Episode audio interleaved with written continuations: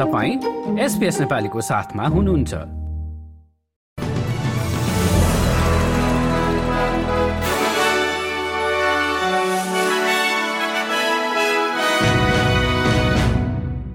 नमस्कार आज सोमबार नौ अक्टोबर सन् दुई हजार तेइस अब पालो भएको छ एसपीएस नेपालीमा आजको संक्षिप्त समाचार सुन्ने। प्रसंग शुरू गरौं अस्ट्रेलियाले इजरायलमा हमासद्वारा गरिएको आक्रमणको निन्दा गरेको समाचारबाट।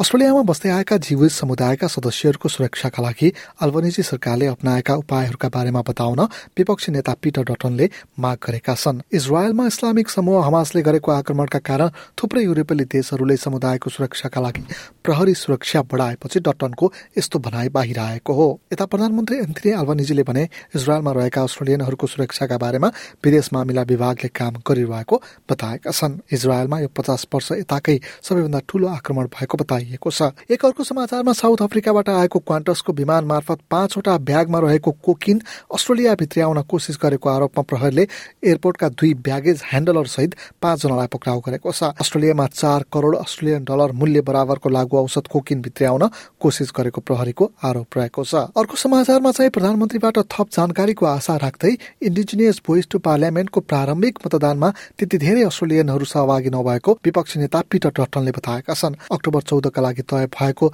जनमत संग्रहमा नो अभियान चलाउन नेता टट्टन ताजमेनिया पुगेका छन्। अर्को एक समाचारमा अधिकांश क्विन्सल्याण्डवासीहरू रातिको समयमा आफ्नो क्षेत्रमा हिडुल गर्न डराउँछन् भन्ने क्विन्सल्याण्ड प्रहरीको रिपोर्टप्रति त्यहाँकी प्रिमियर एनेस्टेसिया पालासेले चासो देखाएकी छिन्। प्रहरीको पछिल्लो सर्वेक्षणमा अडचालिस दशमलव पाँच प्रतिशत सहभागीहरूले मात्र आफूहरू रातिको समयमा हिँड्दा सुरक्षित महसुस गर्ने बताएका थिए।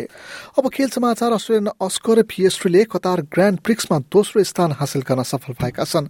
यता तीन पटकका विश्व च्याम्पियन म्याक्स पेर्सापेनले रेसमा आफ्नो चौधौँ जित दर्ता गर्न सफल भए। यसका साथै आजको एसपीएस संक्षिप्त समाचार यति नै। सुरक्षित रहनुहोस्। नमस्कार।